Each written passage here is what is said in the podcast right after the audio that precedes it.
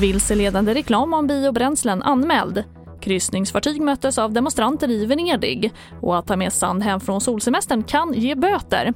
Ja, här börjar vi med att efter TV4-nyheternas avslöjande om att biobränslen HVO 100 som marknadsförs som 100% förnybar i själva verket inte är fossilfri så har reklamen nu anmälts till Konsumentverket. Bakom anmälan står miljöorganisationen Greenpeace. Gustav Martner, talesperson om marknadsrätt på Greenpeace.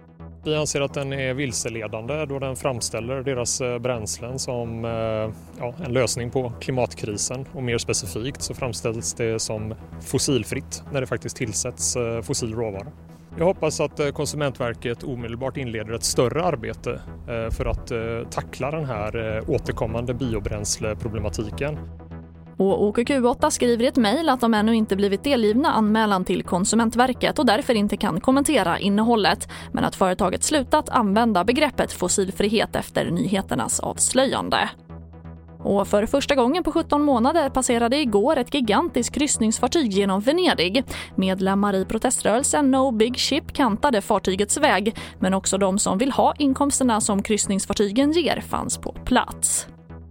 Och vi avslutar med att för många är sand i en flaska eller några släta stenar ett kärt minne från en semesterresa.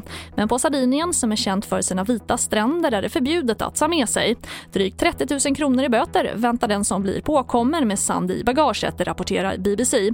Turister har avslöjats med sand i flaskor när man röntgat deras väskor. Och i lördags rapporterade myndigheterna att 41 personer anmälts för stöld av sammanlagt 100 kilo sand. Och det får avsluta TV4-nyheterna. Och fler nyheter hittar du alltid på vår sajt tv4.se. Jag heter Charlotte Hemgren.